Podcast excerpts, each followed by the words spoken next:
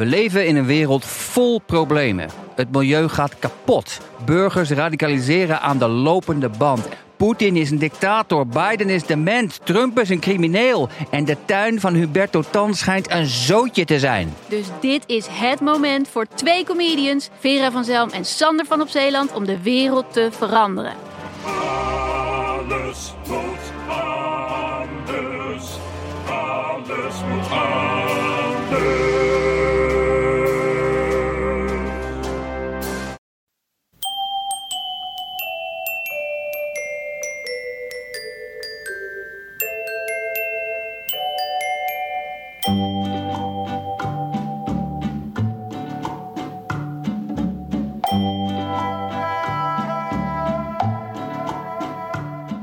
Welkom bij aflevering 76 van de Echt Gebeurd podcast, die tot stand komt met hulp van het Mediafonds. Bij Echt Gebeurd worden waar gebeurde verhalen verteld door mensen die ze zelf hebben meegemaakt. En dit keer gaan we luisteren naar een verhaal van Natja Schijvenschuurder.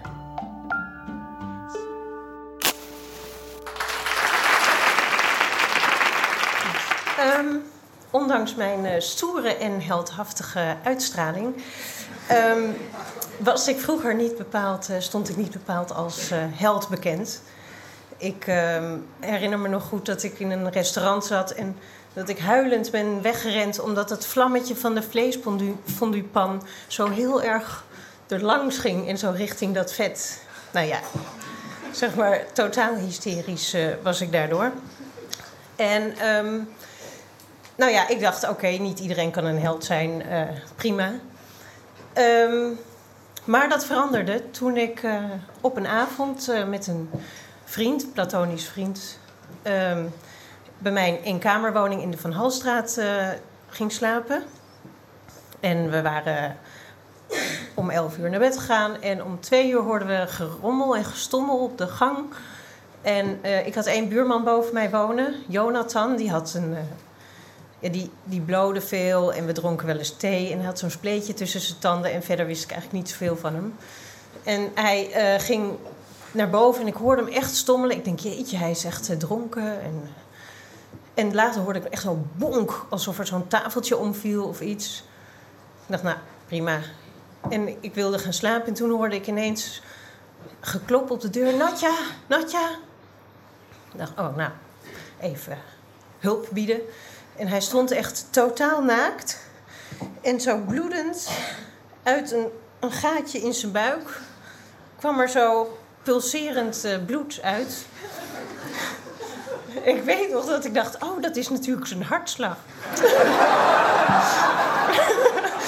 dat, ja, dat zijn van die dingen die je dan opvallen. En hij, hij was wel een beetje wazig. Hij zei, ja, eh, neergeschoten. Ik, oh, eh, nou, kom maar binnen. En ik, ik zette hem... eh, ik zette hem op de bank. En, en toen echt iets heel ergs, vind ik zelf. Maar ik, ik vond het echt niet fijn om mijn dekens om hem heen te leggen. Want ik was gewoon toch een beetje bang voor het bloed.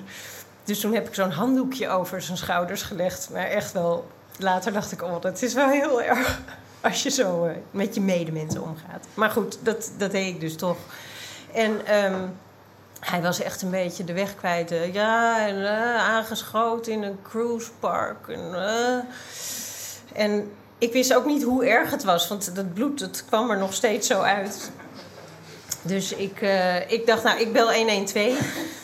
En ehm, later vertelde de rechercheur dat hij echt enorm had gelachen om mijn boodschap of mijn verhaal.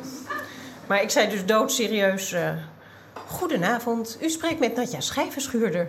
Mijn buurman staat hier lekkend uit een aangeschoten wond.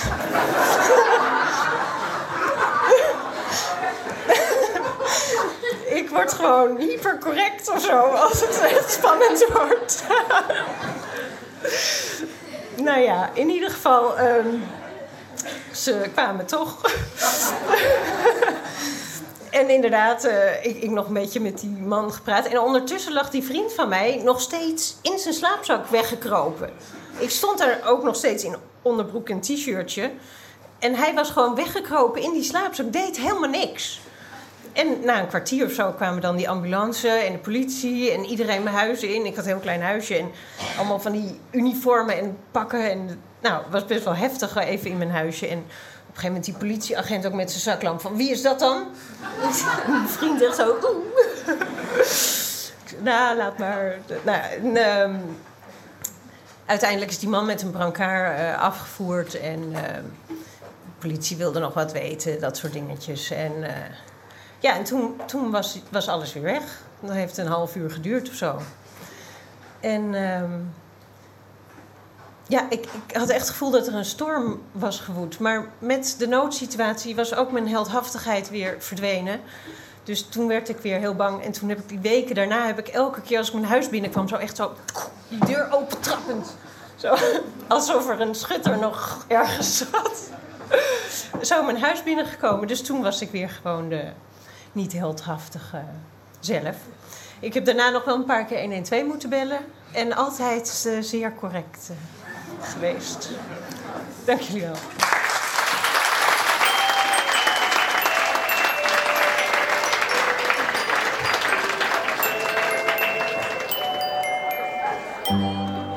Dat was het verhaal van Natja Schijvenschuurder, die al eerder een geweldig verhaal bij ons heeft verteld. Echt gebeurd wordt iedere derde zondag van de maand opgenomen in Toemler onder het Hilton Hotel in Amsterdam. Heb je zelf een bijzonder verhaal te vertellen of wil je er gewoon een keertje bij zijn als er waar gebeurde verhalen worden verteld?